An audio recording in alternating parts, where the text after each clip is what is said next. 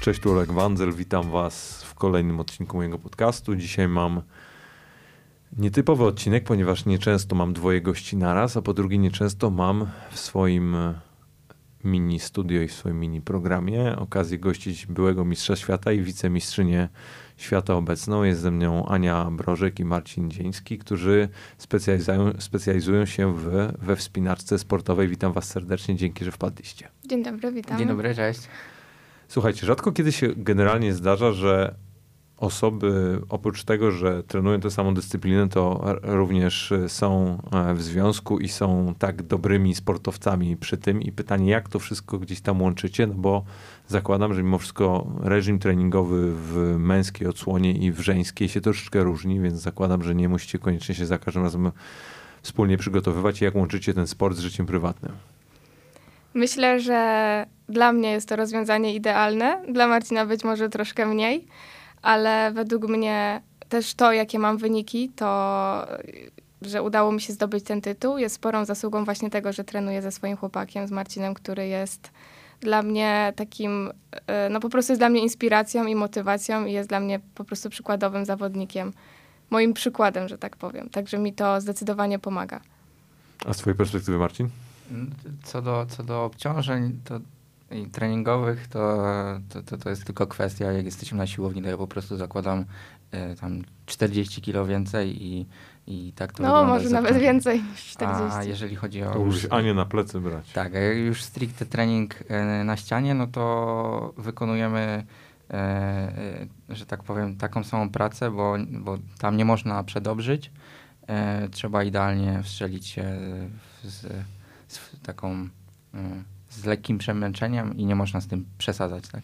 Słuchajcie, ja generalnie mogę podczas tej rozmowy zadawać sporo głupich pytań, ponieważ nie będę ukrywał, że nie mam totalnie zero pojęcia o waszej dyscyplinie, poza tym, co przeczytałem przed tą rozmową, ale generalnie rzadko kiedy się zdarza, że nasi sportowcy, mam na myśli tutaj Polaków, odnoszą tak wiele zwycięstw, tak bym powiedział egzotycznej dyscypliny, jaką jest sportowa wspinaczka i, i chciałbym was się dopytać przede wszystkim, skąd taki wybór, bo jak ja sobie na to patrzyłem, to też generalnie e, ludzie na pewno widzieli w swoim e, doświadczeniu jakimś codziennym, internetowym różnego rodzaju filmy, gdzie, gdzie widzą jak e, prawdopodobnie nawet wasze wyczyny, gdzie, gdzie po prostu biegacie po ścianach i, i, się chciałem właśnie zapytać, skąd, skąd taka droga? E, Ja myślę, że to wynika z, e, z miejsca, w którym się urodziliśmy, czyli e, w Tarnowie, gdzie po prostu jest, są warunki do tego, żeby trenować i są warunki do tego, żeby się rozwijać. I myślę, że trafiliśmy po prostu na ścianę i, i po kolei etapami rozwijaliśmy się. No wiesz, ale generalnie mogłeś na nartach jeździć, na desce skakać, na biegówkach biegać, Mm, a nie po ścianach. Też się nad tym zastanawiałem, dlaczego akurat tylko wspinaczka, tak? I w moim przypadku akurat to tak jest, że trafiłem na ściankę wspinaczkową i, i po prostu już tam zostałem i zacząłem chodzić regularnie na, na treningi i ciężko jest mi odpowiedzieć dlaczego, po prostu nie wiem, tak, tak wyszło. No u Marcina myślę po prostu on sam z siebie złapał tego bakcyla, sam trafił na ścianę. A w moim przypadku poniekąd mój tato jest związany ze wspinaniem. Może nie ze wspinaczką sportową, ale związany z górami i ogólnie ze wspinaniem szeroko rozumianym. I to też on zabrał mnie pierwszy raz na ścianę i, i to z tego wynikło. No i przede wszystkim to, że jesteśmy z Tarnowa, gdzie jednak to wspinanie jest, y, no jest, jak na takie małe miasto jest naprawdę bardzo popularne. Czyli mówiąc krótko, trafiliście na taki idealny ośrodek, jeżeli chodzi o kreowanie i stwarzanie mistrzów świata. Ja myślę też, że to chodzi o takie przewartościowywanie na dany etap swoich celów. Na początku była to totalna zabawa. Y, W jakimś tam okresie zaczęliśmy startować w zawodach i y, startowanie w zawodach to był nasz główny cel, a później y, jak już zaczęliśmy startować w Pucharach Świata jako seniorzy, no to to zwycięstwo stało się naszym kolejnym celem. I, I tak wydaje mi się, że tak trzeba cały czas update'ować ten nasz cel i ten sens tego trenowania i wynika z tego, że po prostu y, siedzimy w tym i rozwijamy się. Tak, tak, Zdecydowanie zaczynaliśmy od rekreacji i od amatorskiego wspinania oczywiście. Przynajmniej ja nie, nie zaczynałam wspinania z myślą, że chcę zostać mistrzynią świata. tak, no myślę, że oboje tak zaczynaliśmy, bo mieliśmy 11 lat i y, ja, ja, ja zacząłem jak miałem, a ty Ania ile, bo nawet już y, głupio nie No te, pamiętam. też nie pamiętam, także spoko. No to ja generalnie się na rekreacyjnej wspinaczce zatrzymałem, więc stanowczo do mistrza świata to mi prawdopodobnie daleko. Nie, wiecie, bo, bo dla mnie to jest w ogóle generalnie nie, nie- niebywałe, jak ja patrzę na te wasze wideo, czy z waszych treningów, czy z zawodów, bo e, tak jak rozmawialiśmy przed wejściem na, na, na fonie, to wejście na taką ścianę 15-metrową tobie, Marcin, zajmuje około 6 sekund, a, a tobie, Aniu, coś koło 8, dobrze pamiętam? Tak, generalnie u Marcina szanowane czasy to poniżej 6, u mnie Szanowane poniżej czasy. 8. Takie czasy już y, wywołują uśmiech, że tak powiem. No to, bo, bo, bo jak ja na to sobie patrzę, no to widzisz te 15 metrów do góry, to po pierwsze jest to raczej sporo, po drugie tych punktów na, na tej ścianie, których się możesz zaczepić wcale nie ma tak wiele. Chwyty. To, Mhm. chwyty, przepraszam. e, no to generalnie po pierwsze ja zawsze miałbym, jak, jak podchodzę do tego typu ściany, jako właśnie mówię tutaj totalnie rekreacyjny e, wspinacz, e, to, no to widzę te chwyty i, i generalnie muszę na niego najpierw dobrze spojrzeć, potem się zastanowić, z której strony go złapać i potem próbować go złapać. A jak na was patrzę, to generalnie za dużo myślenia nad tym nie widzę. I pytanie, czy to jest tak, że ściany za każdym razem są takie same, czy one się od siebie różnią, czy to jest tak, że w zależności od y, na przykład zawodów one są jakoś tam e, inaczej przystosowane i jak wy jak wy trenujecie i jak, co siedzi w waszych głowach podczas jakby takiego spojrzenia na tę ścianę, że faktycznie, że tak powiem, nie, nie ma tam zbyt dużo myślenia, tylko faktycznie jak, jak te takie małe małpki, to się poruszacie do góry. Tak, y, ściana na całym świecie, na wszystkich zawodach międzynarodowych jest taka sama, tak zwany standard, więc i tarcie, nachylenie, chwyty, wszystko ma być takie samo i na takiej drodze też trenujemy. I tak podchodząc pod ścianę, nie zastanawiamy się nad niczym. Generalnie najlepiej, żeby po prostu głowa była wyłączona. Biegniemy automatycznie i, i nie zastanawiamy się już nad tym, co robimy. To jest po prostu bieg bez w ogóle jakiegokolwiek zastanowienia. A wy w ogóle analizujecie na przykład na, na, na wideo wasze biegi, żeby zobaczyć, czy na przykład tutaj gdzieś popełniliście błąd, albo tutaj można było lepiej złapać, albo tu inaczej nogę postawić? Zdecydowanie tak. Bardzo często się nagrywamy mm, i dużo analizujemy to, jak przebiegliśmy drogę. Generalnie dużo też się czuje samemu. To są rzeczy, które ktoś, kto nie biega standardu, on tego nawet nie widzi. To, ile my potrafimy odczuć różnych błędów i niuansów podczas biegu. E, czy też nawet nagrywamy się, ja przynajmniej tak mam, że lubię zobaczyć swój bieg, bo na przykład czuję, że to było wolne albo szybkie, a na nagraniu wychodzi całkiem co innego. E, Także zdecydowanie analizujemy dosyć często swoje, swoje biegi na nagraniach. Na przykład Francuzi, ostatnio się dowiedziałem, że analizują biegi swoich zawodników w 3D. Czy co mają jakieś kamery specjalne, które... E, tak, e, to jest coś O. takiego jak e, skoczkowie narciarscy. Też słyszałem, że tak e, stosują takie metody, czyli analiza lotu. e, Z różnych stron. Tak, tak, tak. I tak samo tutaj Francuzi zastosowali taką metodę. No, jak widać, teraz jeden Francuz, drugie miejsce na Mistrzostwach Świata, całkiem nieźle biega. Może też e, powoli będziemy musieli e, wymyślać taki jakiś dodatkowy sposób analizy i poprawy techniki.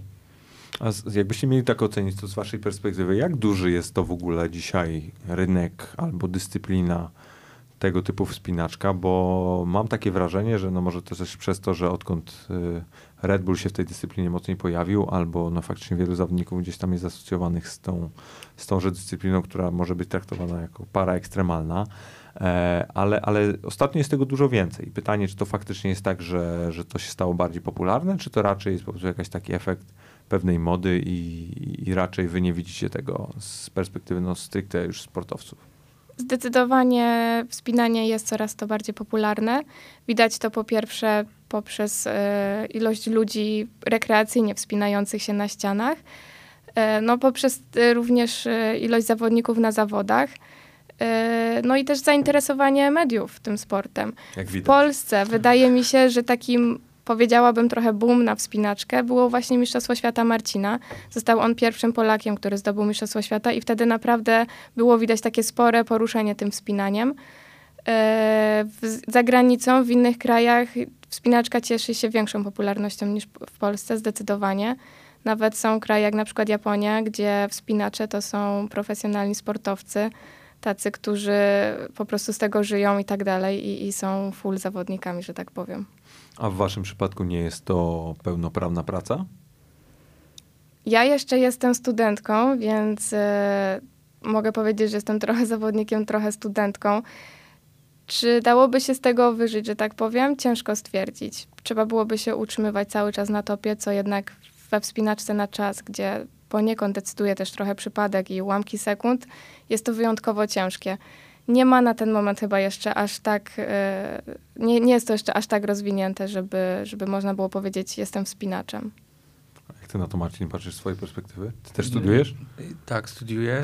Jestem wiecznym studentem, ale te, No tak, to witam mam, w klubie. mam takie szczęście, że mam partnera, który dodaje mi skrzydeł i ostatnio też udało mi się, e, że tak powiem, zacząć współpracę z firmą IQ i, i no, to dużo mi pomogło, tak? Bo w 100% mogę się poświęcić treningom i temu, co robię i w 100% skupić się na tym. No i oczywiście też studiować, tak? Nie pytam też dlatego, bo jak patrzę na, no na, na wysiłek, jaki musicie włożyć w wasze przygotowanie i na tę szczegółowość tej dyscypliny i na same analizy, o których wspominacie, no to generalnie zdaję sobie sprawę, że żeby faktycznie być tym najlepszym na świecie, tak jak śmiało można tak o was mówić, no to raczej powinniście móc się temu poświęcić. Zastanawiam się, czy w Polsce w ogóle jest świadomość tego, że mamy mistrzów świata w takiej dyscyplinie i czy czujecie wsparcie od szeroko pojętego narodu? Na pewno jest większa niż była.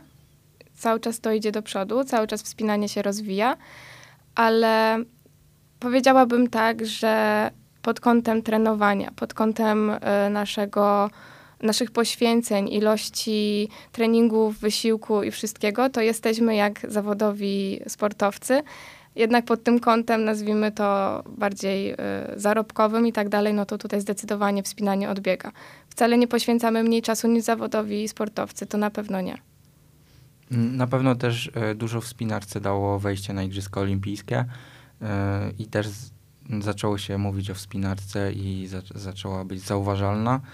No i przykładowo z ostatnich Mistrzostw Świata pojawiła się już relacja w telewizji w Eurosporcie, także wydaje mi się, że jest to e, ogromne osiągnięcie i ogromna szansa dla zawodników, dla nas e, na przyszłość taką sportową. Powiedz mi, Aniu, jak to jest być wicemistrzynią świata? Trochę ciężko jest mi powiedzieć, trochę jeszcze chyba to nie do Ani jeszcze końca. to nie dociera. Tak, tak, nie do końca to chyba jeszcze do mnie dotarło, bo tak naprawdę to działo się wszystko tak szybko. W ciągu jednego, jednego wieczora udało się zdobyć ten tytuł. E, później szybki powrót, jakieś nagle wywiady, nowe rzeczy, który, z którymi wcześniej nie miałam doświadczenia. I nie wiem, po prostu wróciłam do treningów i, i jakoś tak nie zastanawiałam się nad tym. Mam wrażenie, że na ten moment nie mogę powiedzieć, aby coś coś się zmieniło. I jakoś tak y, staram się tego nie przeżywać, bo też, y, nie wiem, usłyszałam już od kilku osób, żeby mi sodówka nie uderzyła i tego typu rzeczy, więc też staram się jakoś tego wyjątkowo y, nie celebrować, szczerze mówiąc. Wiesz, pytam dlatego, bo generalnie zdaję sobie sprawę, że wiesz, obudzić się ze świadomością, że jesteś druga na świecie w swojej dyscyplinie, no to na pewno jest generalnie zajebista rzecz. I, i zastanawiam się, jak to się ma na przykład do tego, że no finalnie, w samym finale poniosłaś porażkę sportową, ale no ja też wiem, że na pewno z dzisiejszej perspektywy pewnie nie jest to kluczowa kwestia, no bo finalnie jesteś wicemistrzynią świata, ale co czułaś po samym biegu i, i jak ty na to patrzysz z perspektywy dzisiejszej? Już tuż przed biegiem e, próbowałam uspokoić te myśli, ale, ale jednak brały one górę. Bardzo się cieszyłam z tego, że mamy dwa medale dla Polski. Cieszyłam się z tego, że na pewno już mam gwarantowany medal Mistrzostw Świata, że najgorzej zostanę wicemistrzynią i ja też nie ukrywam, mam trochę problemy z wiarą w siebie i z pewnością siebie, w związku z czym dla mnie ten medal już był jakimś takim sporym sukcesem. E, No tuż po biegu byłam po prostu szczęśliwa. Cieszyłam się zarówno moim medalem, jak i medalem Oli. E, I dopiero myślę tak następnego dnia, może nawet dwa dni po tym, zaczynałam troszeczkę analizować to na, na spokojnie i doszło do mnie pewne takie właśnie analizy typu, że troszeczkę odpuściłam ten bieg, że troszeczkę jednak e, za bardzo dałam się ponieść euforii z tego, że mamy te medale, że nie do końca tak jakby, no teraz na ten moment nie powiedziałabym, aby to było po prostu profesjonalne i trochę żałuję tego, że że nie zawalczyłam w 100% tak, jak powinnam. Że myślę, gdybym tam spotkała nie swoją rodaczkę, to, to losy mogłyby się troszeczkę inaczej potoczyć. Zresztą też popełniłam błąd już na trzecim ruchu, gdzie troszeczkę się zawahałam i to mi na pewno sporo odebrało. No i myślę, że właśnie ten błąd wynikał z tego, że właśnie moje skupienie i, i cała taka motywacja i to wszystko opadło przez to, że za wcześnie zaczęłam się cieszyć tak jakby. Czyli generalnie zabrakło ci instynktu zwycięzcy i takiego zabójcy. Zdecydowanie tak i myślę, że jednak to jest moja spora wada jako sportowca, że jestem właśnie troszeczkę za mało taka, że tak powiem, napalona na to zwycięstwo. A ty jak Marcin na to patrzyłeś e, na wideo czy, czy z boku, to, to też miałeś takie wrażenie, że, że gdzieś tam czegoś zabrakło, czy, czy generalnie też byłeś e, rozemocjonowany tym, że... No wiesz co, ja z jednej strony tak, zepsułem swój start, e, ale od razu wyszedłem oglądać jak dziani i z jednej strony byłem strasznie z, na siebie zły, że po prostu y, zrobiłem kupę roboty i tak dalej, nie wyszło tak jak sobie planowałem. E, no ale tutaj wszystko, że tak powiem, mm, no emocje te, te, te radosne wygrały i od razu zapomniałem o, sw o swoim starcie i, i tak jak oglądałem Anię, to no tak właśnie się obawiałem, że, że, że, że, że fina, fi, w tym finalnym biegu zacznie myśleć. No, ten sport jest taki, że po prostu nie można myśleć. Wychodzimy i robimy ten bieg z automatu. E, no ale wydaje mi się, że no, pierwsza śliwka, robaczywka, tak, e, już zaczęliśmy poprawiać e, jakieś tam szczegóły e, na drodze i są kolejne zawody, kolejny cel. E, na szczęście Mistrzostwa Świata już za rok, bo dotychczas Mistrzostwa Świata odbywały się co dwa lata. Więc no, wydaje mi się, że jesteśmy na coraz lepszej drodze i na dobrej drodze. Wy pracujecie z, z psychologiem sportowym albo niesportowym? I ja rozpoczęłam współpracę właśnie w połowie tego sezonu. No nie było tych spotkań za wiele, ale i tak myślę, że one sporo dały. Pytam dlatego, bo... Mm, Ostatnio rozmawiałeś z Darią Abramowicz. Również, ale generalnie jest to, jest to temat, który mnie potwornie interesuje, ponieważ mam wrażenie, że szczególnie w ostatnim czasie e, znaczenie tej strony mentalnej faktycznie jest jeszcze bardziej istotne, ponieważ no, żyjemy w hiperaktywnym świecie, jesteśmy cały czas podłączeni do różnego rodzaju bodźców i zdaję sobie sprawę, że coraz ciężej tak naprawdę jest nam od tego uciec i gdzieś się skupić na tym zadaniu do wykonania. I zastanawiam się, jak wy sobie z tym radzicie, no bo finalnie jest to pewnego rodzaju pojedynek y, nie z tym rywalem, który stoi po waszej prawej bądź lewej, tylko z tą ścianą, pod którą trzeba to jest, to jest podnieść. E, walka z samym sobą tak naprawdę, ze swoimi myślami, no Właśnie, które dla, i... trzeba odstawić gdzieś na bok i, i po prostu wyjść i zrobić świetny bieg, osiem świetnych biegów. Jak, bo, bo, właśnie do tego zmierzam. Jak, jak, jak się nastawić do tego, żeby faktycznie po pierwsze skupić się na tym konkretnym jednym biegu, a nie myśleć o tym czwartym, piątym, szóstym, siódmym, a po drugie, jak zmierzyć się z tym, że jest ta ściana, którą już widziałeś, czy widziałaś tysiące razy i wiesz, że teraz musisz wykonać najlepszy bieg w swoim życiu, a potem kolejny, kolejny, kolejny. Szczerze mówiąc, to sama sobie zadaję te pytania wciąż i czuję się mocno raczkująca w tym temacie. Cały czas tak naprawdę się uczę tego wszystkiego i i nie czuję się na siłach, abym mogła odpowiadać na te pytania, bo naprawdę to jest dla mnie wciąż właśnie zagwozdka, jak sobie z tym wszystkim radzić. Jest to naprawdę wyjątkowo ciężki psychicznie sport, mentalnie ogromnie wymagający. Myślę, że Marcin ma więcej do powiedzenia w tej kwestii, bo on wiele razy osiągnął naprawdę taki, e, taki stan, jaki dla mnie jest pożądany na zawodach, tak zwanej takiej maszyny. To, to, to ja bym się tak e, jeszcze powiedział o współpracy z psychologiem, bo kiedyś miałem takie podejście, że po prostu uważałem, że okej, okay, dobra, jeżeli zacznę współpracować z psychologiem, to oznacza, że coś jest nie tak z moją psychą, więc no nie mogę na to pozwolić, bo jestem mocny psychicznie, tak? Takie zaczęły się budować myśli, no i rzeczywiście sam sobie z tym radziłem. E, miałem różne metody na nakręcanie się na zawody, nie wiem, nieraz walczyłem z przeciwnikiem, e, a nieraz po prostu udawało mi się osiągać taki stan, że po prostu wychodziłem i ja nie wiedziałem, co się działo przez ostatnie 8 sekund, tak? I, i, i, i to, to jak sobie zawsze przypominam, jak zdobywałem Mistrzostwo Świata, to po prostu, no to jest dwie godziny z życia, tak? Bo ja tam po, po prostu poszedłem jak robot, zostawiłem głowę w domu i zrobiłem swoją robotę.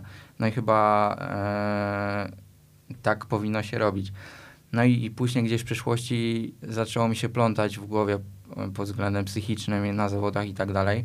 No i stwierdziłem, że jednak e, współpraca z psychologiem będzie tutaj zbawienna. E, I no i no, trzeba współpracować z psychologiem. Teraz mówię śmiało, że jest to bardzo potrzebne, bo mm, jest potrzebna jest taka osoba, która ukieruje nasze myśli tam, gdzie powinny być ukierowane, bo no bo czasami samemu sobie można nie poradzić. A co was najbardziej kręci w tej dyscyplinie? Tak jak właśnie, wiesz, wstajesz rano i sobie myślisz o tym, że masz dzisiaj kolejny trening, to co ciebie cieszy najbardziej? Z, na pewno cały czas, mimo że właśnie w kółko biegamy po tej samej drodze i tak dalej, to ja wciąż jestem podekscytowana, kiedy idę na trening. A ta ekscytacja myślę, że przede, przede wszystkim wynika z tego, że chcę osiągnąć perfekcję, że po prostu wiem, co robię dalej źle, gdzie mam te mini błędy, dla wielu niezauważalne. I po prostu chcę być coraz to szybsza i coraz lepiej przebiegać tą drogę. Chcę po prostu osiągnąć perfekcję i, i to chyba najbardziej mnie kręci. I właśnie taka walka z samym sobą. Nawet nie to, że chcę wygrywać ze wszystkimi i prześcignąć każdego, tylko chcę po prostu ścigać się sama ze sobą. A u ciebie, Marcin? E, u mnie to jest tak, że też e, co jakiś czas e, zmieniam sobie tą motywację, tak? Kiedyś motywowało mnie to, żeby e, wygrywać zawody. E, teraz motywuje mnie to, żeby po prostu e, biegać świetne biegi i żeby dojść do tej perfekcji ruchu i, i czuć się świetnie na tej drodze. No i mm, wydaje mi się, że samo trenowanie jest fajne i to, że nasze treningi są urozmaicone, bo nie tylko trenujemy na ścianie, ale też e, to jest to dużo, dużo treningu na siłowni i, i tak dalej. To jest, jak, jak ja sobie na to patrzę, to mm, jestem w stanie sobie na maksa wyobrazić, że tak naprawdę to jest na tyle gdzieś Mm, uniwersalny sport pod takim względem przygotowania, że jestem przekonany, że jakby wam, wiecie, no teraz was wrzucić do jakiegokolwiek innej dyscypliny, e, która no, ma mniej więcej podobne, podobne parametry fizyczne, to byście sobie w tym fenomenalnie poradzili, bo właśnie też sobie przed, przed tą rozmową zanotowałem, że tak naprawdę po takim waszym treningu, to generalnie można by wejść do większości dyscyplin e, wytrzymałościowo-szybkościowych, może nie do sprintów czy do tego typu rzeczy, no bo jest to oczywiście wymaga bardzo określonego ruchu czy treningu. No ale generalnie można o was powiedzieć, że stanowczo jesteście przygotowani na wszelkiego rodzaju różne wyzwania. I pytanie, czy też się tak czujecie, czy to jest tylko jakiś mój taki osąd? Sami też e, podpatrujemy inne dyscypliny, doszukujemy się podobieństw i jest ich właśnie wiele. I pod kątem właśnie treningowym patrzymy sobie na inne dyscypliny, jakie, jakie tam są treningi, jakie metody i tak dalej. E, ale ja bym nawet była skłonna powiedzieć, że właśnie do, do sprintów myślę, że można by nas porównać. Tak jak patrzę na treningi lekkoatletów, to, to, to jest sporo w tym podobieństwa. Ja, ja, ja, tak sobie zawsze myślę, że e, tak, tak mnie kusi, że okej, okay, dobra, trenujemy tutaj, może spróbujemy kiedyś e, sprint, nie? Tak, startować na, w jakichś amatorskich zawodach. Szczerze powiedziawszy, nie sprawdzaliśmy, jaki mamy czas na, e, na 100 metrów. Może, na pewno technika nie byłaby najlepsza, ale chęci się liczą. Wiecie, bo na przykład jest, jest, jest kilka historii w, w światowym sporcie, gdzie na przykład i to nawet na poziomie olimpijskim. Już teraz nie, nie, niestety nie jestem w stanie przywołać nazwisk, ale, ale to na pewno gdzieś na poziomie opisu tego podcastu gdzieś się podrzucę, gdzie są na przykład y, jednostki, które są mistrzami olimpijskimi w bobslejach i w sprincie na 100 czy 200 metrów. Były przypadki na przykład w e, ligach amerykańskich, gdzie ktoś był zawodnikiem NBA i i NFL, czy jeszcze później grał w baseball i jestem w stanie sobie totalnie wyobrazić, że na przykład jesteście w stanie być na przykład mistrzami świata w wspinaczce sportowej, a przy tym również członkami reprezentacji olimpijskiej, na przykład w biegu na 100 metrów przez płotki. Ciężko, Brzmi ciężko fajnie. stwierdzić, tak, ale brzmi kusząco. Na pewno, e, przynajmniej ja miałam takie myśli, żeby właśnie spróbować innych sportów, nawet nie, żeby zawodowo je uprawiać, czy coś, tylko po prostu, żeby przetestować to, co robimy, jak przekłada się właśnie na, na inne sporty.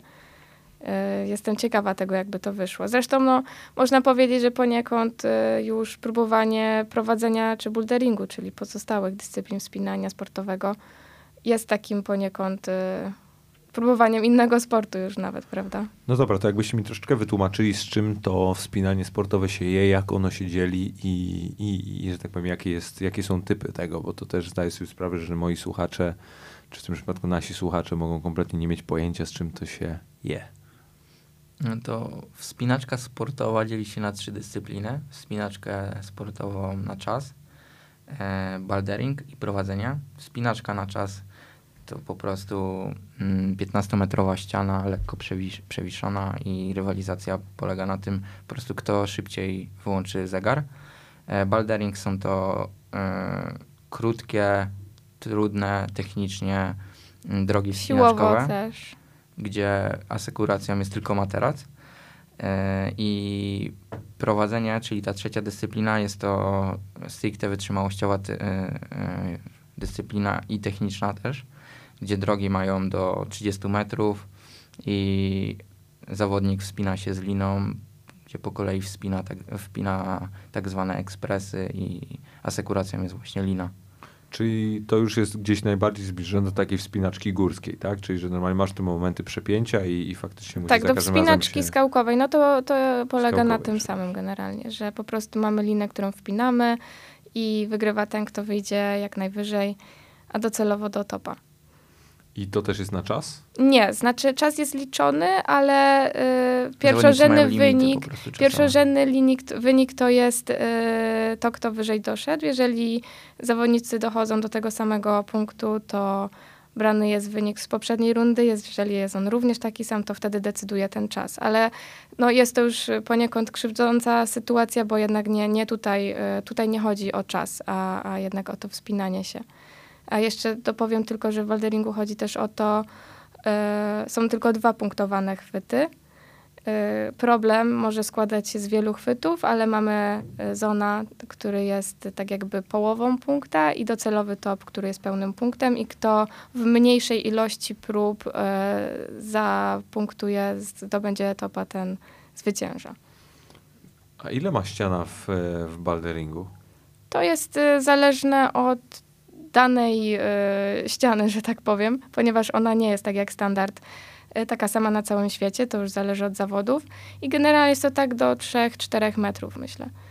I w prowadzeniu również ściana nie jest taka sama na każdych zawodach, tylko, tylko my czasówkowicze mamy swój tor.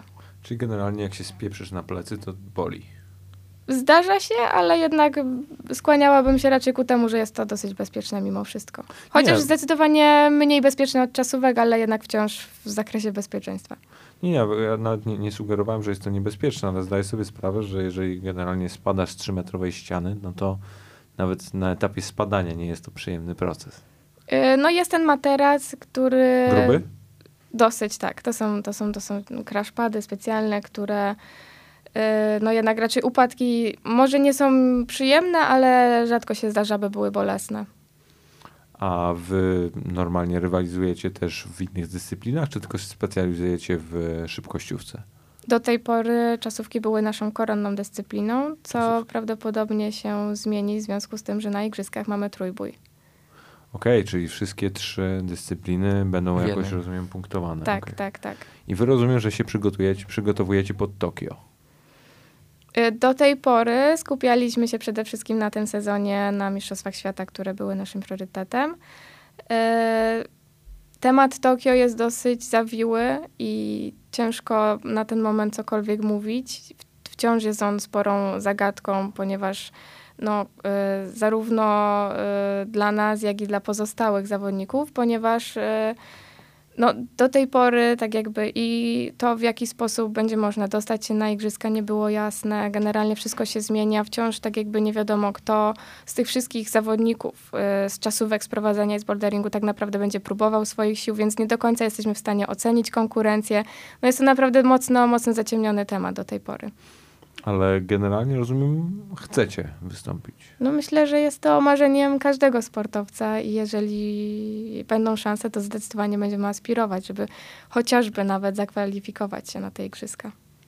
Pytam dlatego, bo mm, zdaję sobie sprawę, że no, tak jak sama wspomniałaś, te igrzyska olimpijskie są gdzieś ukoronowaniem bardzo często karier wielu sportowców. Miałem okazję w tym podcaście takich e, reprezentantów olimpijskich gościć i każdy wspominał, że jest to gdzieś niesamowite przeżycie i, i doświadczenie, gdy faktycznie w tej wiosce olimpijskiej się pojawiasz i masz okazję rywalizować i zdaję sobie sprawę, że jest to pewnie coś, co, czemu warto by się po pierwsze poświęcić, a po drugie w pełni zaangażować, żeby niezależnie od przeciwności gdzieś tam na tych igrzyskach się pojawić. Zastanawiam się, jak bardzo jesteście gotowi się poświęcić, by na takich igrzyskach wystąpić. Dla nas jest to na pewno cięższy temat niż dla kogoś, kto y, uprawia dany sport i ten sport w tej w postaci, w, tym for, w tej formie wchodzi na igrzyska. Dla nas wspinanie weszło no, w tej hybrydzie, której do tej pory nikt nie uprawiał, więc jest to wyjątkowo ciężki orzech do zgryzienia, ale no przynajmniej ja czuję się dosyć mocno zmotywowana i, i myślę, że jestem gotowa naprawdę ciężko pracować, aby poniekąd przekwalifikować się i, i gdzieś tam walczyć e, na tych e, igrzyskach, czy w ogóle o to, żeby się tam pojawić.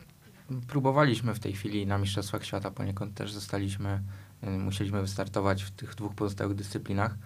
E, no i podeszliśmy do tego tak, że po prostu w 100% skupiliśmy się na, na czasówkach, które były w ostatnim dniu Mistrzostw Świata. A w tych poprzednich dniach wystartowaliśmy w prowadzeniu i w balleringu dosyć w taki sposób, żeby E, nie zmęczyć się przed czasówkami, czyli tymi najważniejszymi zawodami dla nas. No i mimo to, że nie mogliśmy się poświęcić w 100% w tych pozostałych dyscyplinach, to wypaliśmy całkiem nieźle w tych lokatach e, w kombinacji. Wynika Także... to z tego, że na ten moment przelicznik do tego trójboju e, jest taki, że właśnie e, promuje on, preferuje jako zwycięzców, e, zwycięzców w jednej dyscyplinie, że lepiej być E, załóżmy wygrać czasówki, a w pozostałych wypaść słabo, niż w każdej być przeciętnym. W związku z czym dla nas jest to korzystne, ponieważ można powiedzieć, że stoimy czasówkami i, i w tej jednej możemy naprawdę zawalczyć, a to już jest dużo. To już jest dużo, żeby zająć dobre miejsce w trójboju, żeby właśnie w tej jednej e, mieć wysokie, wysoką lokatę, niżeli być właśnie przeciętnym we wszystkich trzech. A w Polsce w ogóle jest e, związek wspinaczki sportowej? Jest Polski Związek Alpinizmu i to się pod to my tam mhm. po prostu należymy jako wspinaczka sportowa. Okej, okay. I, i czujecie na przykład wsparcie ze strony związków w kontekście na przykład walki o igrzyska? Mm, no. Mm. W tym roku wszedł tak zwany program przygotowań do igrzysk. Jednak e, widząc, jak inne kadry e, zagraniczne, jak u nich to wszystko ruszyło po decyzji, że jesteśmy sportem olimpijskim, jak u nich wyglądają teraz, y, ilu mają trenerów, ilu nagle, jak nie wiem, ktoś jeździł z jednym trenerem, teraz nagle jeżdżą z czterema i tak dalej, czy też y, po prostu widać to w ich wynikach, w postępie, to myślę, że jednak nasz związek nie zrobił aż takiego, aż takiego postępu jak w innych związkach. E, no i tak naprawdę nie do końca mogę powiedzieć, że no po prostu niewiele się zmieniło tak naprawdę. Pomimo tego, że weszliśmy na igrzyska, to, to aż tyle się nie zmieniło i myślę, że, że to dopiero przed nami. A jak ty na to patrzysz? Mm, ja na to tak Bo mimo patrzę, wszystko że... pewnie w dyscyplinie troszkę dłużej siedzisz. Ja, ja na to tak patrzę, że po prostu ja do tego przywykłam. Po prostu zawodnik jest zdany sam na siebie i jeżeli nie chce y, robić wyniku i tak dalej, no to nie będzie tego wyniku, tak? I wszystko zależy od zawodnika. Y, tak też się zastanawiałem nad tym, jak to wygląda w innych związkach i tak dalej.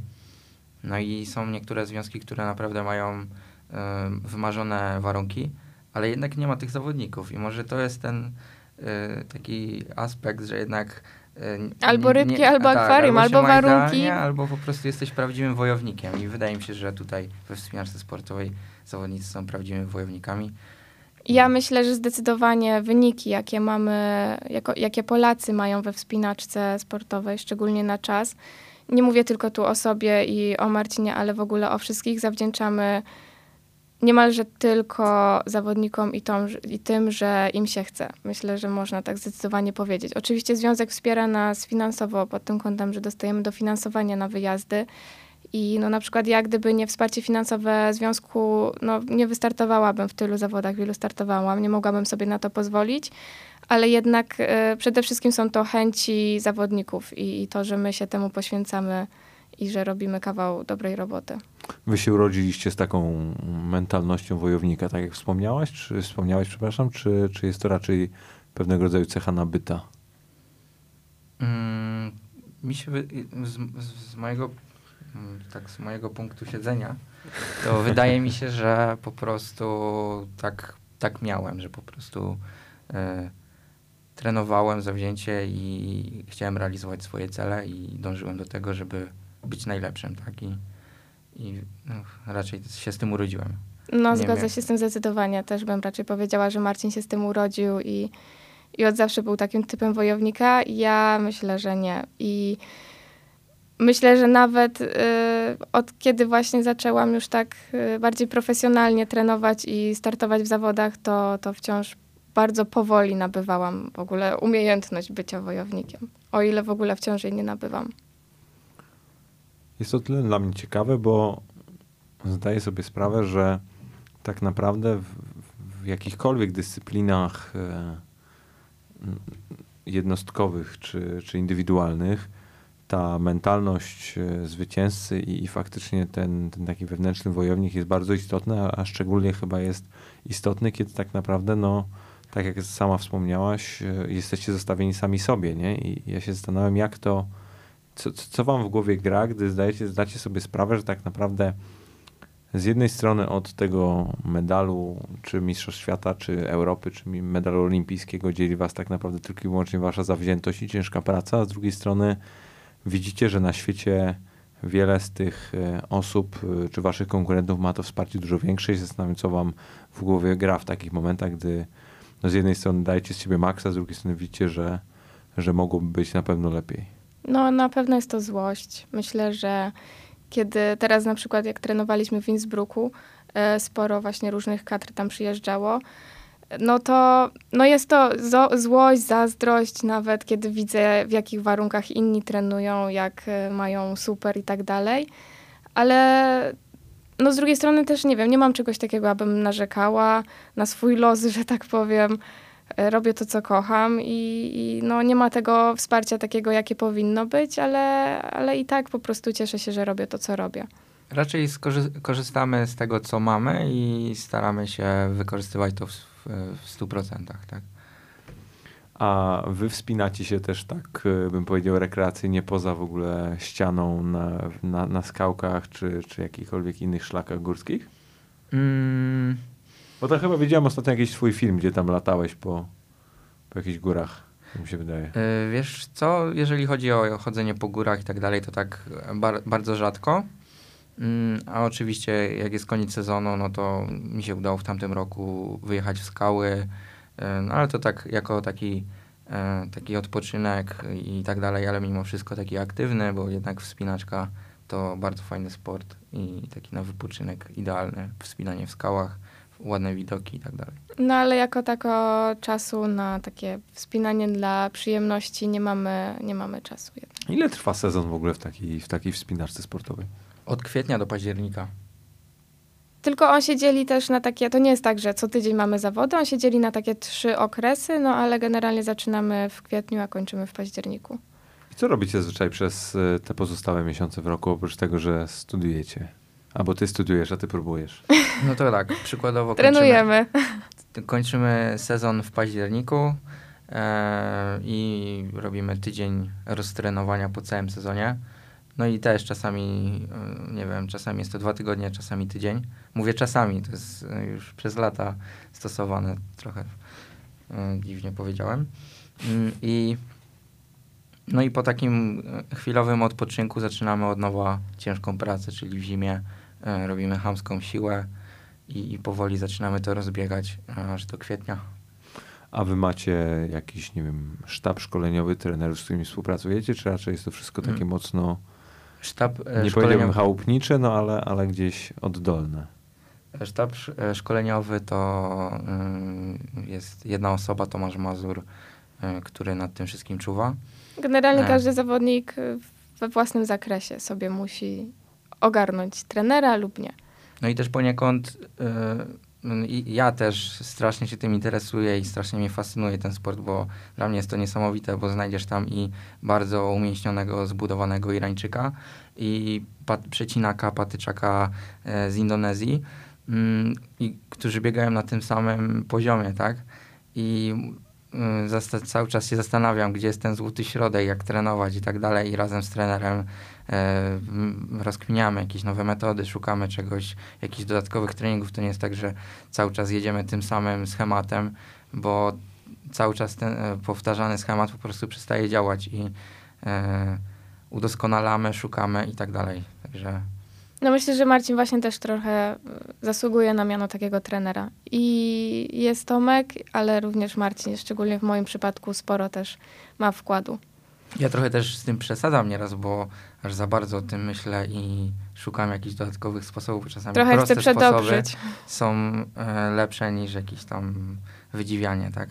Czy wiesz co, z drugiej strony, jak, jak sobie tak o tym pomyślę, no to na pewno byłoby bardzo kuszące, żeby na tę ścianę podejść, tak wiesz, czysto kompletnie z innej strony zazwyczaj się to robi, no bo tylko tak naprawdę wtedy jesteś w stanie znaleźć może ten taki jakiś edge, który pozwoli ci gdzieś te, te sekundy urwać, no bo generalnie jak sobie tak o tym pomyślę, no to w 5 sekund to naprawdę no, trzeba się bardzo nastarać, żeby, żeby znaleźć jakąś tą faktycznie przewagę, nie? I, I to generalnie wydaje mi się, że może ustawienie palca, ręki czy, czy nogi może decydować o tym, czy wygrasz, czy nie wygrasz. I, i zastanawiam się, czy faktycznie też aż tak głęboko wchodzicie w detale, jeżeli chodzi Tak, o... zdecydowanie. o To, trening. to jest po prostu.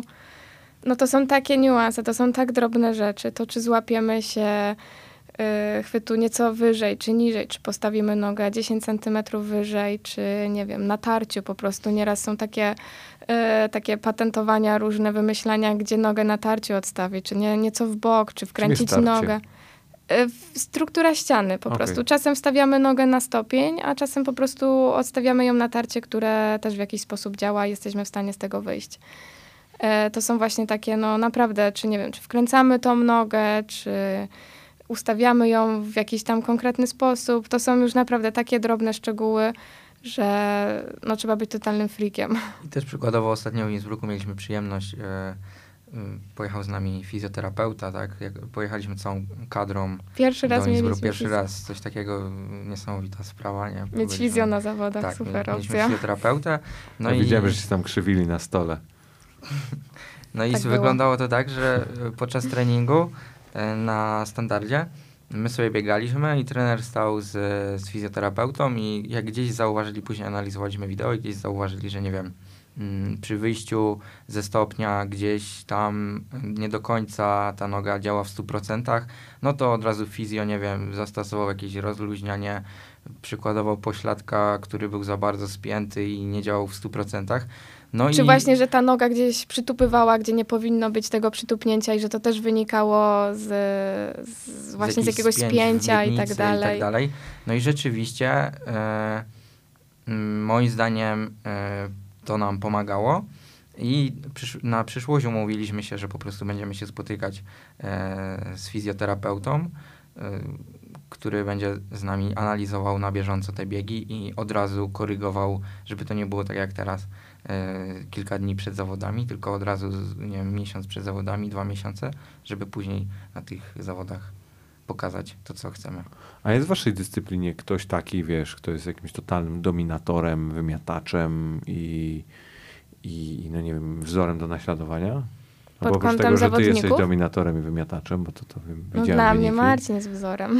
A nie, ale wiecie, albo czy macie taki jakiś wzór sportowy, na który patrzycie sobie, myślicie, Boże Święty, ale ta osoba jest, nie zajebista.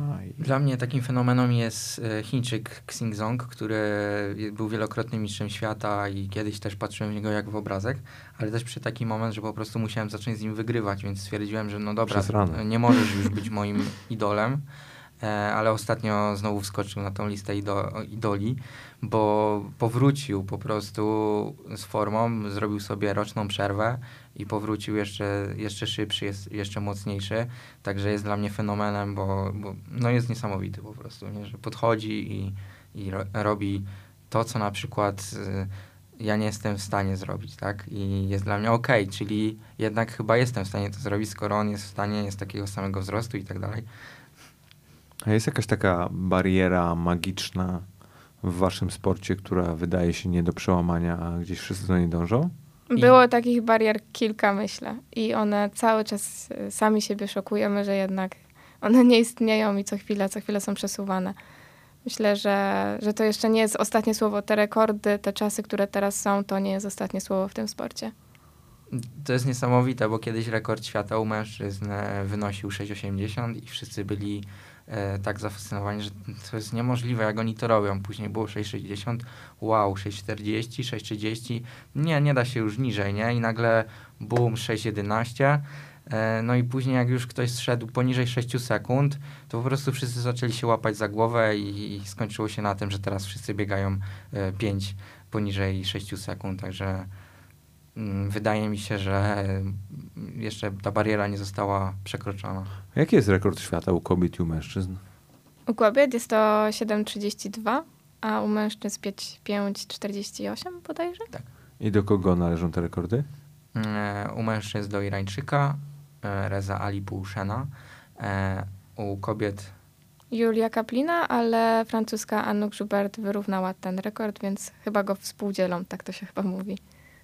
pierwsza była Kaplina, to należy do Kapliny. Ja właśnie też nie wiem, jak to wygląda. No nie, bo to się mówi chyba, że wy, wyrównała rekord, ale, No tak. ale złamany został przez tą Przez pierwszą. jako tak. pierwsza złamała. I, I co na przykład y, w twojej głowie gra, jak sobie myślisz o tym, no to jest to 5,48 i, i, i jaki jest twój plan na to, żeby zejść niżej? Mm, Właściwie wejść wyżej, schodząc niżej w czasie. No to na pierwszy, pierwszy efekt jest taki, że mi wychodzą gały po prostu wow, jak to się... Jak to A jaki jest twój najlepszy czas? E, 5,70.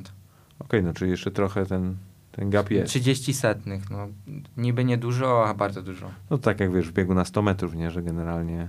Tak. Mi, się- mi, ja, po prostu, ja, ja wciąż pamiętam, jak był ten moment, w którym Usain Bolt pobiegł ten swój horrendalny czas 9,58 i, i się wszyscy wiesz, w ogóle łapali za głowę, jak to jest możliwe, że, że ktoś o, o, wtedy chyba 300 sekundy poprawił yy, poprawił, przepraszam, 30 sekundy poprawił e, rekord świata. E, no i zakładam, że w waszym przypadku też te, te, te ułamki są, są gdzieś tam z jednej strony niby, niby małe, czy, czy względnie małe, a tak, Tak, naprawdę dla- jest dla to człowieka diametralna przepaść. Nie? Z ulicy jest to, o, przecież to jest mało, a dla nas jest to bardzo dużo. Mm, No i jak sobie z tym radzimy? Jak sobie, mm, co myślimy po takim biegu, jak ktoś pobija nasze życiówki? No to zdecydowanie od razu wracamy, no i rozmyślamy, co by tu zrobić, żeby jeszcze przyspieszyć, tak? Nie No wiemy. poniekąd fajnie, że są tacy ludzie, bo pokazują, że się Że da tak, i że można złamać to też jest jakieś tam granicę. motywujące i widzisz kogoś, kto to zrobił i też tak chcesz. A wy w ogóle gadacie z tymi ludźmi? Na przykład y, jest taka, że jest tak, że nie wiem, jest jakaś super rozwinięta rywalizacja, że w ogóle Hello, patrzycie na my siebie.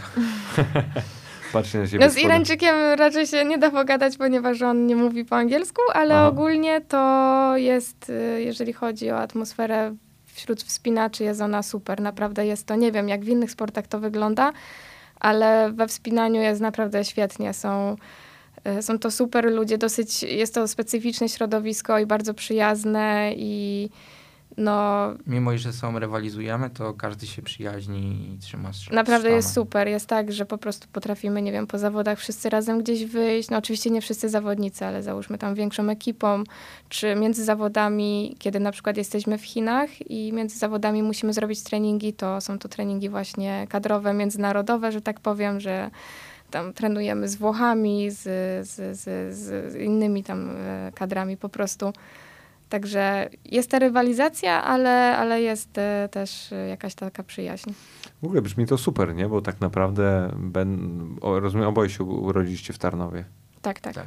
No to generalnie, e, jak słyszę teraz, że byliście w Austrii, byliście w Chinach, poznajecie Włochów, Francuz, to brzmi, brzmi super, bo też zdaję sobie sprawę, że My w- tutaj w Warszawie żyjemy w bańce, możemy sobie latać wszędzie, gdzie chcemy. Jesteśmy, podróżujemy, jesteśmy w wielu krajach, a tak naprawdę zdaję sobie sprawę, że wciąż jest bardzo wiele osób w Polsce, które nigdy w życiu nigdzie nie było i prawdopodobnie nigdy nie będzie, więc wydaje mi się, że to też chyba jest tak czysto ludzko fajne po prostu, że możecie tego świata trochę pozwiedzać i, i tych ludzi poznać. Oczywiście, jak najbardziej jest to ogromna zaleta i ja jestem bardzo wdzięczna za to, że mam takie możliwości, że tyle, tyle świata zobaczyłam.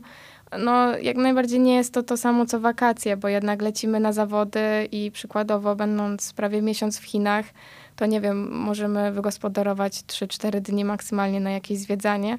I to też nie jest takie zwiedzanie, jak chcemy, bo będąc w Chinach tyle razy, nie wiem, nie byliśmy w tych najważniejszych miejscach i bo po prostu no nie ma na to czasu i wybieramy tylko takie miejsca, które są, pozwalają, pozwala nam na to czas i tak dalej. Nie możemy się zmęczyć. Żeby nie przekroczyć limitu kroków, nie wiesz. Tak, no trzyma nas tętno i w ogóle, prawda?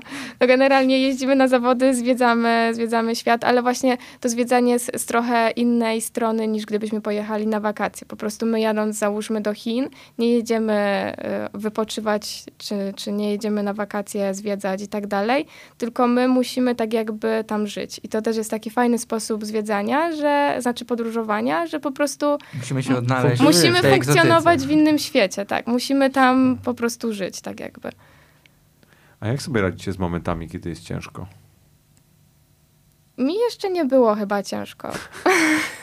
kocham trenować, kocham to, co robię. I właśnie już wiele razy to mówiłam też Marcinowi, że nie mam pojęcia, co by było, gdyby mi się nie chciało, gdyby przestało mi to sprawiać przyjemność. Chyba bym po prostu to rzuciła.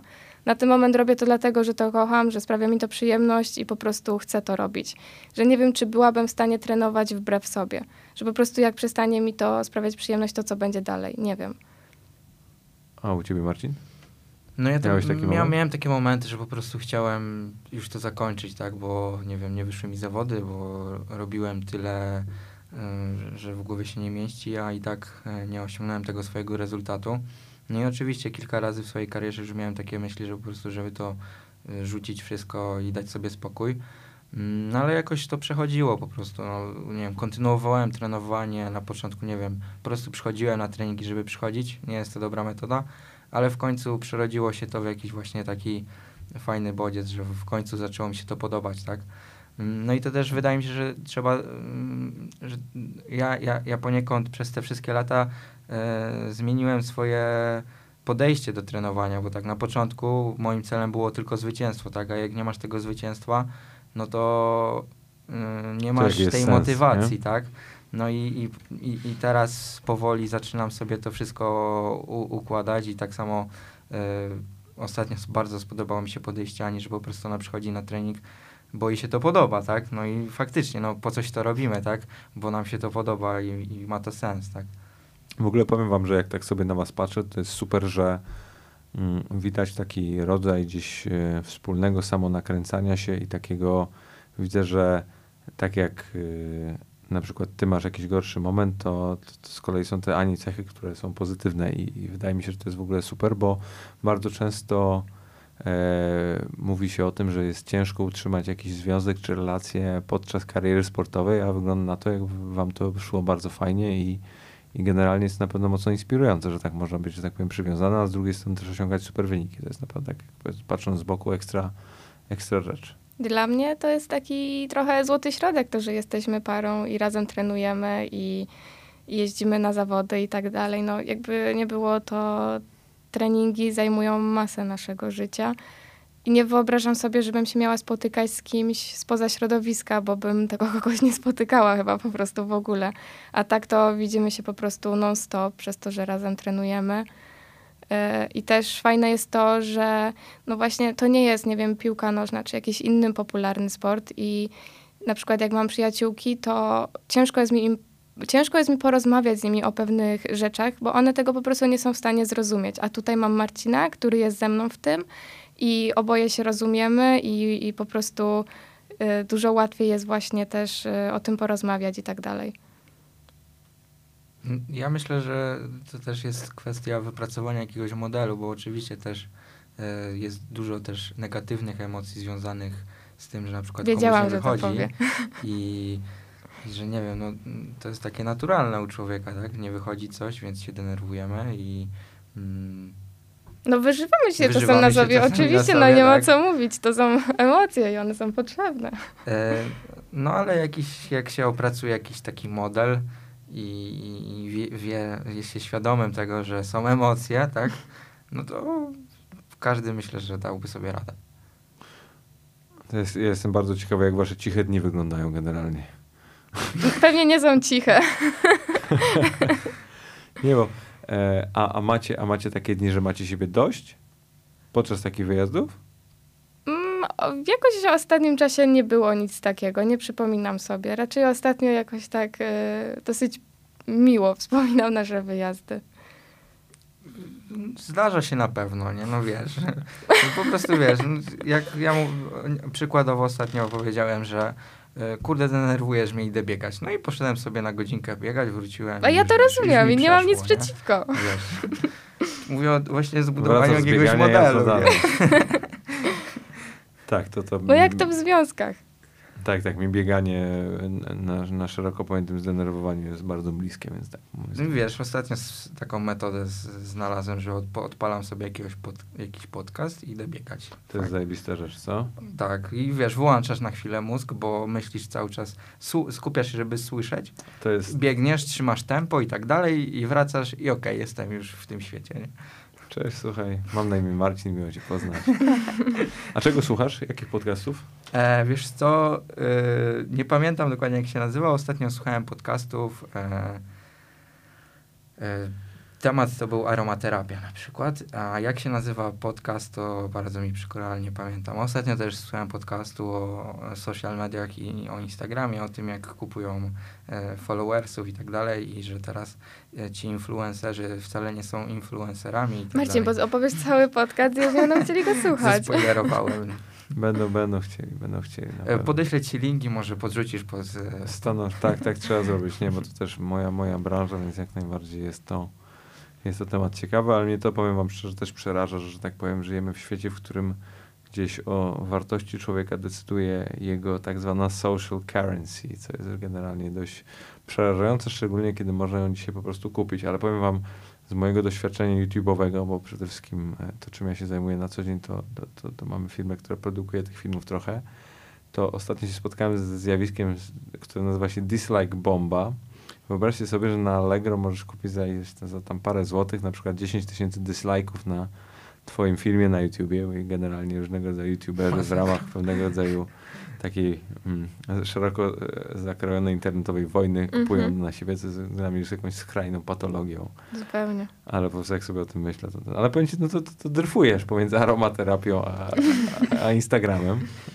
Nie wiem, jak to się ze sobą gdzieś tam łączy, no ale zdaję sobie sprawę. Akurat że- y, jeżeli chodzi o Instagrama i social media, to tak poniekąd y, muszę się tym interesować, bo y, musimy się tym interesować, bo jesteśmy, niby, jesteśmy zawodnikami, ale też musimy żyć w, tym social, w tych social mediach i musimy się pokazywać, bo nie jesteśmy tak, nie jesteśmy w telewizji, więc w jakiś sposób musimy się pojawić w tym świecie, co jest związane też ze sponsorami i tak dalej. A generalnie wydaje mi się, że wam dobrze to idzie, bo jak sobie przeglądałem czy waszego Instagrama, czy Twittera, to faktycznie jest to po pierwsze fajne do oglądania, po drugie mocno widać, że z tego aż bije naturalność i, i, bardzo, i nie ma w tym pół takiego, bym powiedział, zmanierowania, bo mnie to na przykład bardzo irytuje, gdy patrzę na, na tych już powiedzmy topowych sportowców, którzy bardzo często mają te social media prowadzone przez kogoś. Rozumiem, że jest kwestia mm, zajętości, braku chęci poświęcania temu czasu, no ale raczej ja sobie cenię to, że jak patrzę na takie osoby na tym ekranie swojego smartfona, to chciałbym widzieć te osoby takimi, jakim one są, a nie jakby wykreowany Jak pewien twór, tak, nie? tak. No na ten moment nasze, nasze różne kanały na social mediach to są, one się nie różnią od, nie wiem, no każdego normalnego człowieka. Ja przynajmniej na ten moment nie dzielę się czymś tak jakby ze swoimi fanami i że w ogóle jestem wielkim sportowcem i tak dalej, tylko dzielę się swoją codziennością, tak jak, nie wiem, ludzie wrzucają swoje jedzenie, swojego psa i tak dalej. Ja wrzucam swój trening. Jest to właśnie dla mnie raczej taka normalna rzecz, a nie tak jakby e, jakiś taki, nie wiem, no sportowy obowiązek póki co. Ja poniekąd się tak wkręciłem dosyć w ten temat i tak chciałem e, tak jakby zachęcić ludzi do, do wspinaczki. Też miałem taki okres, że po prostu taki miałem cel, że, żeby przekazywać jakąś wartość i pokazywać tą wspinaczkę, żeby w jakiś sposób zafascynować. Mam nadzieję, że mi się udało. Jak się udało, to bardzo się cieszę. No a też bywały takie okresy, że po prostu się nie chce, tak? Że chcesz sobie posiedzieć w domu i, i nic nie robić. No czasem właśnie jest coś takiego, myślę Marcina bardziej, bo, bo na nim była ogromna ta presja mediów. Jak, Dryfujemy, wie. jak na, na, no po prostu nagle po prostu wybuchło takie ciśnienie na Marcina, gdzie właśnie był ten jakiś taki obowiązek, że musi coś wrzucić czy coś. Myślę, że teraz już mniej tego jest, ale właśnie to jest już, to już jest słabe, kiedy, no kiedy musisz po prostu, nie wiem, masz jakieś zobowiązania i tak dalej i to nie wychodzi od ciebie, tylko z twojego obowiązku. No to jest na pewno gdzieś ciężkie do pogodzenia, no bo z jednej strony jest ten jakiś cel waszych sponsorów czy partnerów, który ma zostać osiągnięty, a z drugiej strony też jest faktycznie jakieś takie poczucie, które, czy, czy, czy stan, w którym obecnie jesteście, który może, nie wiem, raczej skłania was do tego, żeby się zapaść pod ziemię albo oglądać Netflixa czy inny. Tak, Platformę od, VOD. odpalasz, odpalasz podcast, idziesz biegać i, i wiesz, i wracasz. A generalnie potraficie wysiedzieć na, na tyłku? Czy, czy was nosi? Chyba nosi. Ku temu bym się skłaniała. To w takim razie jestem strasznie dumny, bo już tu siedzimy godzinę i generalnie nikt nie wstał. Ale wiesz, wybiegł, gadam, więc też jestem trochę w swoim żywiole. Tak, Ania lubi bardzo dużo Ale zobacz, mówić. e, Marcin wie, bo sp- sporo czasu spędzamy w podróży w samochodzie, także... A zobacz, zarzucałeś Marcinowi, że to on przejmie tę konwersację. No widzisz, ty mówisz staram się.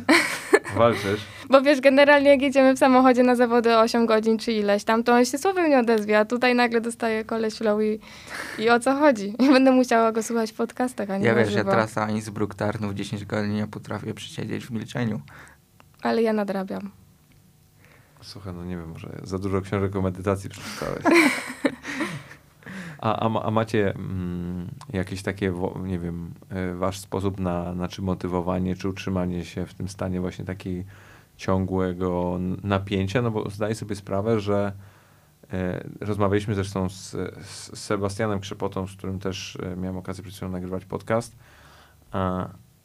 o tym takim właśnie, o tej koncentracji, która jest stricte na, na wysiłku na, na zawodach, które, które są, bo faktycznie jestem w stanie sobie wyobrazić, że te, przez te 5 sekund czy, czy, czy, czy 7 sekund z ogonem można generalnie z jednej strony za dużo z jednej strony nie można zrobić, z drugiej strony można w sumie sporo spierdolić, nie? I, i zdaję sobie sprawę, że, że ten fokus musi być naprawdę bardzo duży i, i zastanawiam się, jak sprawiacie, czy w jaki sposób y, wprowadzacie się w ten stan, że podchodzicie do tej ściany i generalnie jedne, o czym myślicie, to jest, to jest ta maszyna, o której wspominaliście. No z takich narzędzi, które używamy, to dla mnie na pewno i dla Marcina raczej też, jest y, muzyka. Przede wszystkim właśnie muzyka, taka dosyć specyficzna bym to powiedziała. To znaczy? Y, no, może, nie wiem, przytoczę wykonawców. Y, Myślę, że coś ala Prodigy na przykład. Takie dosyć szybkie, ciężkie brzmienia nieco w moim przypadku. E, Ja na przykład też y, bardzo często się oklepuję, w sensie nogi i ręce i zawsze wydawało mi się, że jestem nienormalna, kiedy to robię, ale to mi po prostu pomagało, ale nie tak dawno zobaczyłam różne filmiki z mistrzostw w lekkiej atletyce, kiedy inne zawodniczki też to robią i już uznałam, że jednak jestem normalna. E, Pamiętaj, że może być tak, że wszystkie jesteście nienormalne. może być też tak, ale generalnie takie no dosyć e, szanowane postacie e, tak robiły przed swoim startem, oklepywały się, więc wiedziałam, że okej, mogę to kontynuować. E, No i nie wiem, jakiś taki po prostu wpadanie w jakiś taki dziwny stan, którego nie jestem w stanie w ogóle opisać, takiego jakiegoś turbo skupienia i jakiegoś takiego po prostu przejścia właśnie w inny stan. I to jest takie, takie bardzo pożądane, żeby przejść w ten inny świat i, i zupełnie odlecieć i myśleć tylko o drodze, tylko o tej muzyce w uszach i, i o napięciu w mięśniach. A macie takie, to takie poczucie, że no jak wchodzicie na ścianę, to świat zwalnia? No właśnie, y, to jest niesamowite, ile można sobie pomyśleć w, y, w czasie jednego biegu, przykładowo biegnę 6 sekund, to to, to tak wygląda, ok, 6 sekund, raz, dwa, cztery, pięć, sześć, nie? Ale ja potrafię sobie w ciągu tego całego biegu tyle pomyśleć, że to jest ponad to 6 sekund i to jest... Zdecydowanie, to tak? jest No, niezłe. myślę, że można powiedzieć, że zwalnia, tak? Bo to jest właśnie tyle się dzieje, tyle myśli, tyle, nie wiem, y, opotknęłam się, o zwolniłam, o, O, coś tam. O kurczę, dobra, teraz nadrobię, jeszcze dam radę, o dobra, wyłączyłam. A tak naprawdę to trwało 7 sekund, a ja zdążyłam tyle w ciągu tego czasu pomyśleć, że w ogóle, no wow, po prostu. Ja generalnie, jak sobie na to patrzę, to zawsze mi się wydaje, albo mam tego na przykład, nie wiem, sam na, na, nawet na poziomie takiego po prostu codziennego treningu robię jakiś sprint, to zawsze sobie mi się przypominają te wszystkie takie filmy akcji, gdzie odlicza bomba i, i, te, i jest na przykład zostało 15 sekund i to 15 sekund w filmie trwa 5 Mhm. minut. Tak, tak. I generalnie wiesz, w ciągu tego oczywiście, to, żeby tu, tu kogoś tak złapać, tu kogoś wygląda. zabić i właśnie zastanawiam, czy też, ta, czy też tak macie. I no, to jest fascynujące, bo e, powiem wam szczerze, że jakbym tak e, miał z, z komuś z ulicy powiedzieć, że właśnie ponad godzinę rozmawiałem z ludźmi, którzy całe swoje życie poświęcili wchodzeniu na ściany, to, to generalnie brzmi to z jednej strony dziwnie, z drugiej strony naprawdę mam do was ogromny szacunek, no bo z jednej strony jest to nisza, a z drugiej strony brzmi naprawdę fascynująco, bo, bo, bo faktycznie te wszystkie niuanse i te wszystkie rzeczy, jestem przekonany, że jakbym teraz was zaczął wypytywać o bardzo takie specyficzne szczegóły związane z tą dyscypliną, to byście byli w stanie o tym gadać i gadać. I to No jest gdzieś- generalnie na przykład, nie wiem, mamy nagranie biegu, który trwa właśnie to 7-8 sekund i ja jedno moje nagranie, co chyba zresztą drażni Marcina, jestem w stanie komentować przez 5 minut po prostu i, i wywodzić się na temat takiego krótkiego biegu przez nie wiadomo ile. Także Marcin się irytuje, bo wiesz, nie wywodzi się na temat jego biegu. Więc. Prawdopodobnie, ale nie, wiesz co, chyba jeszcze bardziej go drażni, kiedy komentuję jego biegi. Także już lepiej, żebym swoje komentowała. Notabene w ogóle, y, bo mówiłeś o tym, że w telewizji jest to transmitowane, to w ogóle można mówić o jakimkolwiek komentarzu w takich sytuacjach? Sporo się dzieje Dookoła. y, przed biegiem, na przykład kiedy stoimy, przypinają nas, my się skupiamy, magnezujemy, wtedy też gdzieś tam jest ja czas na ten polecam komentarz. taki jest y, na YouTubie z Pucharu Polski na awatarze w Krakowie relacja z zawodów, gdzie Andrzej Mecherzyński, Wiktor komentował te zawody i jest tak y, bieg finałowy. Dzieński świr, dzie, dzieński świrk, dzieński świrk, dzieński świrk, kto wygra? I masz, wiesz, trzy sekundy i on to tak szybko, ja nie, ja nie potrafię tego powtórzyć, ale to było dosyć spoko. No i to jest taki komentarz właśnie, wiesz. Okej. Generalnie kiedyś e, zawody komentował super komentator, który po prostu tyle emocji w to wkładał i jak się go słuchało, to po prostu było to świetne. Teraz troszeczkę taki bardziej ospały jest komentator, ale no coś tam da się powiedzieć. Musicie go tam, nie wiem, kiedyś na ścianę zabrać, żeby go trochę pobudzić, albo go tam oklepać, musisz, albo coś takiego. Mu damy mu jakiegoś Red Bulla. No to by pewnie zadziałało.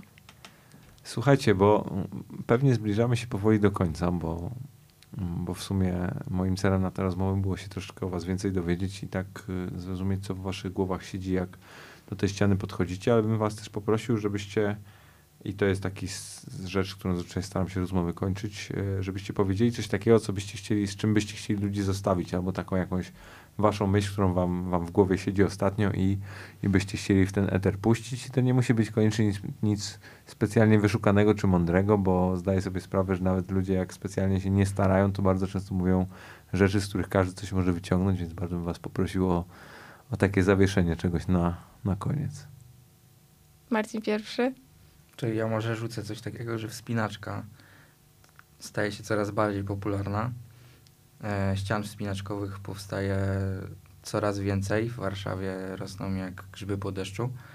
E, a to dlatego, że po prostu każdy może się tam odnaleźć i tak naprawdę jest to taki sport, gdzie no właśnie to jest, te, to, to jest to takie przykładowo moje bieganie godzinne gdzieś po prostu jesteśmy, skupiamy się tylko na tej drodze wspinaczkowej, to jest tylko ta nasza chwila i wydaje mi się, że w dzisiejszych czasach, gdzie po prostu jesteśmy zagonieni za pieniądzem y, i, i za różnego typami rzeczy, gdzie po prostu y, ludzie y, łapią depresję i nie wiem, mają jakieś problemy, to wydaje mi się, że jest to dobry sposób na to, żeby po prostu się zdelejtować, tak?